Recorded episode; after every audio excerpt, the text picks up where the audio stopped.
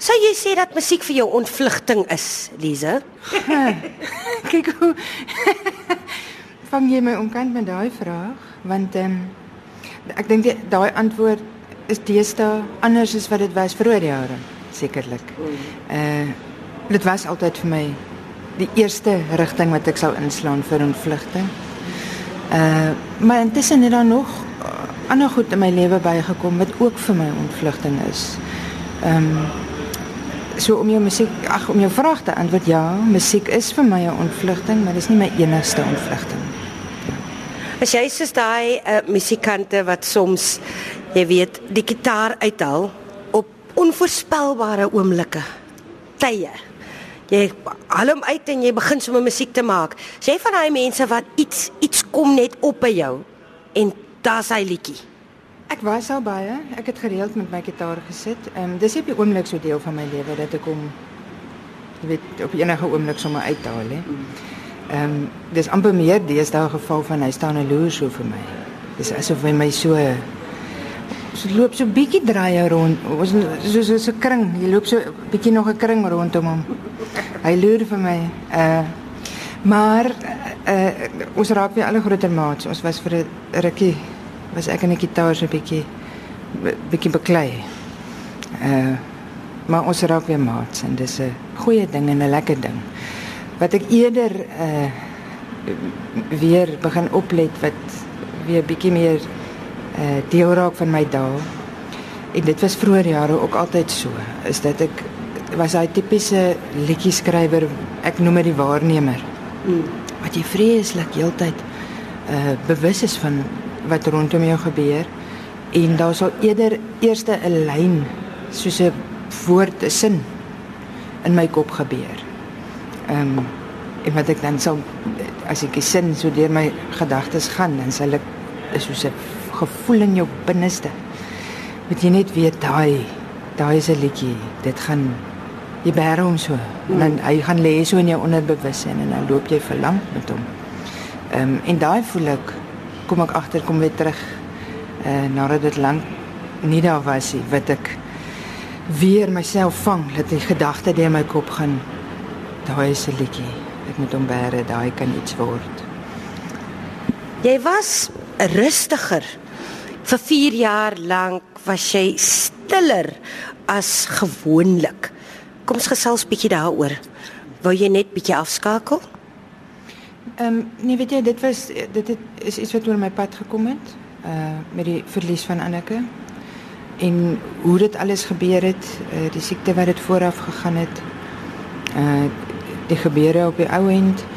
Ek was getraumatiseerd ook. Dit alles het 'n geweldige impak op my wese gehad. Ehm um, en op my lewe. My wêreld het verander. Ehm um, my binneste was onderste bo. Ehm uh, so ek dit was nie iets wat ek gekies het nie. Dit het so gebeur en eerder moes ek en dit het ek geleer.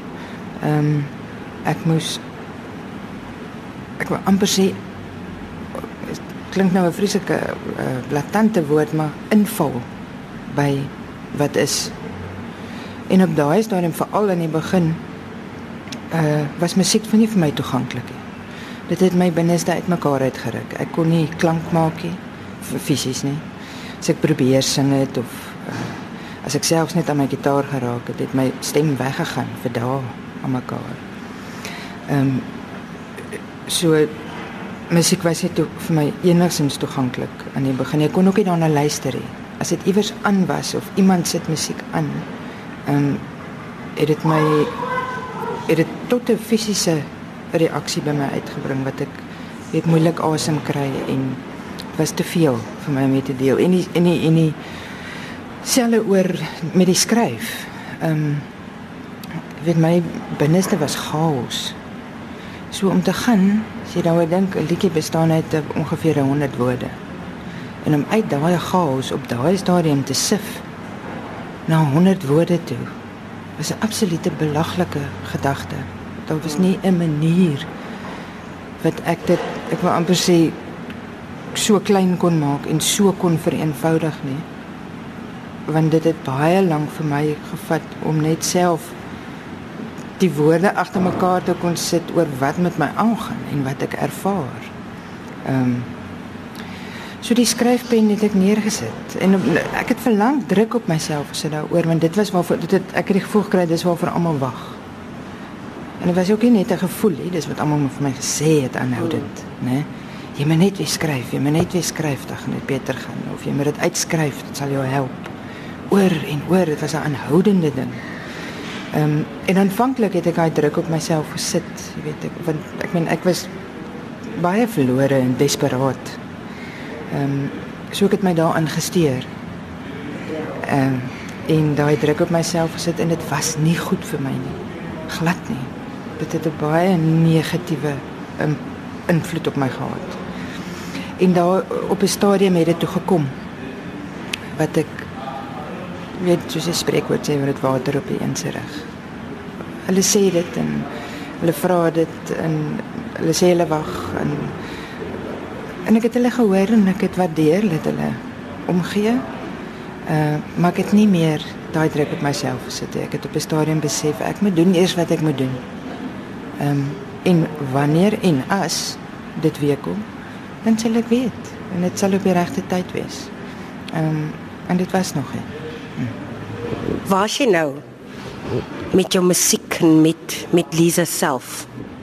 Nou met die musiek is dit uh dis ek het nou ek het al so hier en daar weer 'n solo vertoning gedoen wat ek vir baie lank nou nie gedoen het nie.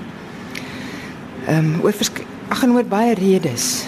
Jy weet ek dit was my moeilik om met sulke groot groepe mense ehm um, weet daai ek het ek dink vir lank was dit so eenvoudig soos dit ek het nie die energie gehad ehm um, om heeltyd met dit ek het dit ervaar as konfrontasie weet met daai konfrontasie van mense en uh geleide en beweging en uh, dit is alles net te oorweldigend vir my.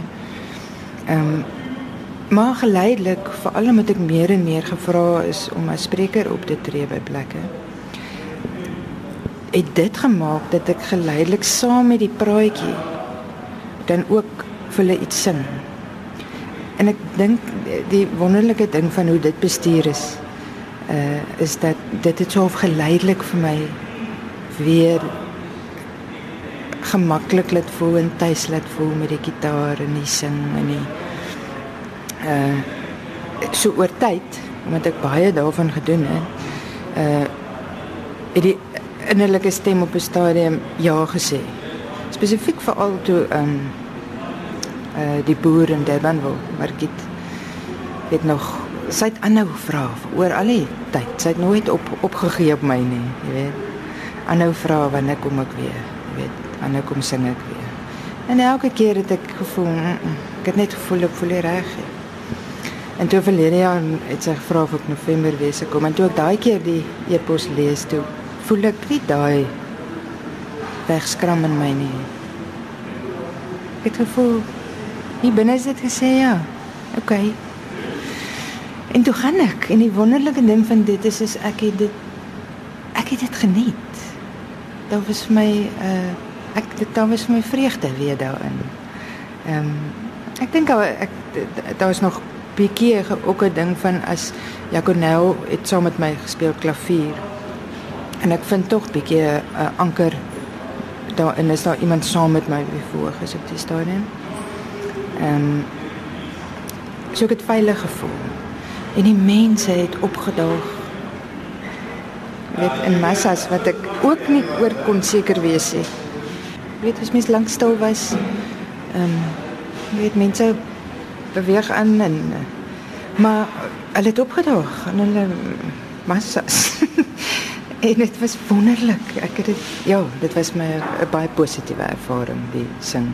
So nou uh is dit meer weet ek ek sê oh, daar sal my binneste is al bietjie meer oop vir uh, weet as 'n geleentheid kom om te sing om dit wel te doen um, en dit te omarm. Um, en ek kies ek weet ek kies dit uit die plekke en die geleenthede, oh. weet. Uh in met die skryf het nou uh, ook daar was ek het nie absoluut niks geskryf nie. Ek meen ek het in die in die eerste jaar na ehm um, die verlies van Anneke het ek een lied geskryf. En ek dink dit, dit was so of dit het net uit my uitge geval wil ek amper sê. Dis die naam. Ehm um, die lied se naam is Stil. Ehm uh, en ek dink dit was maar net omdat ek het, dit is al wat ek wou sê op daai stadium. Ehm um, so ek het dit geskryf en dan het natuurlik daai lied vir Dion Meyer vir sy uh rolprent die laaste tango wat ek die woorde geskryf het op Anneke se tango wat sy gekomponeer het. Yes. Uh dit was ook omdat ek weet dit was net op my hart gedruk. Ek moet dit doen. Ek wou dit doen. So ek het baie hard gedruk aan myself op daai stadium om daai wel te doen. En dan was daar ook wel 'n lied wat ek geskryf het vir uh Lorika wat op haar nuutste album is. Ehm um, wat 'n baie mooi storie eintlik het. Ek het vir lank geskryf vir 'n tydskrif in Australië. Uh uh rubriek. En onder andere die tydskrif toe 'n keer vir my gevra of ek 'n onderhoud sou doen met Lorika. Uh wat ek toe graag doen. Um, En een van die goed wat ek vir haar gevra het is sy in een sin moet sê wat haar wens is. Weet vir haarself. Wat wens sy vir haarself? En haar antwoord was uh, ewewig en stilte.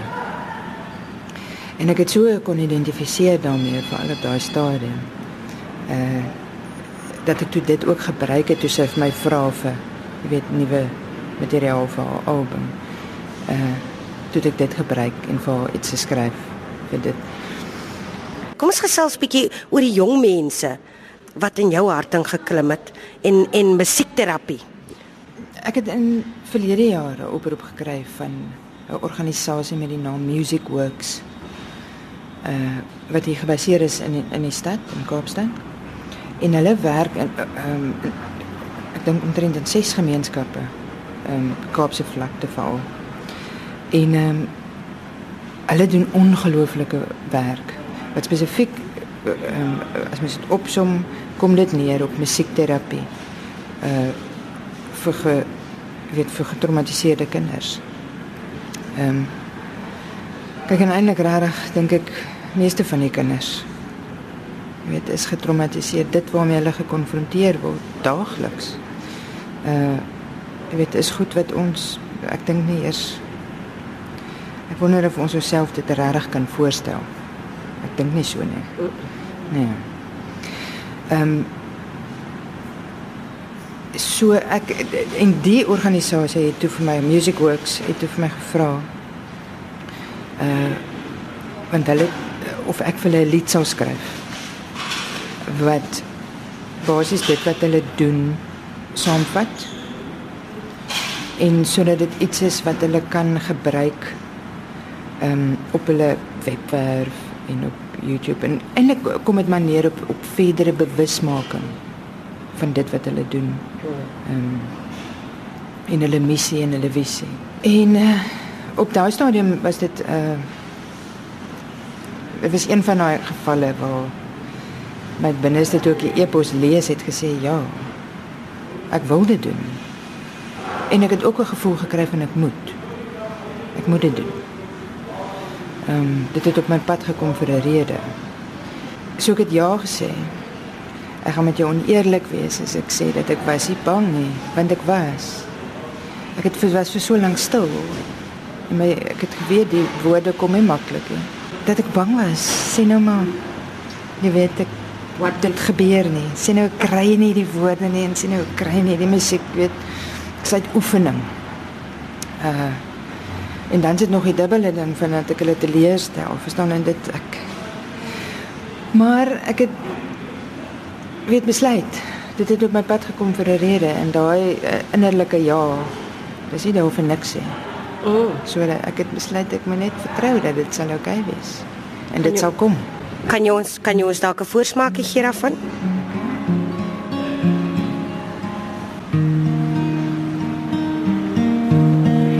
These are the eyes that'll always see you, that'll never let the light in yours. Still off. Kan ek dit gou weer doen? Dink ja, sure. Laat is dit. Is dit nog vroeg?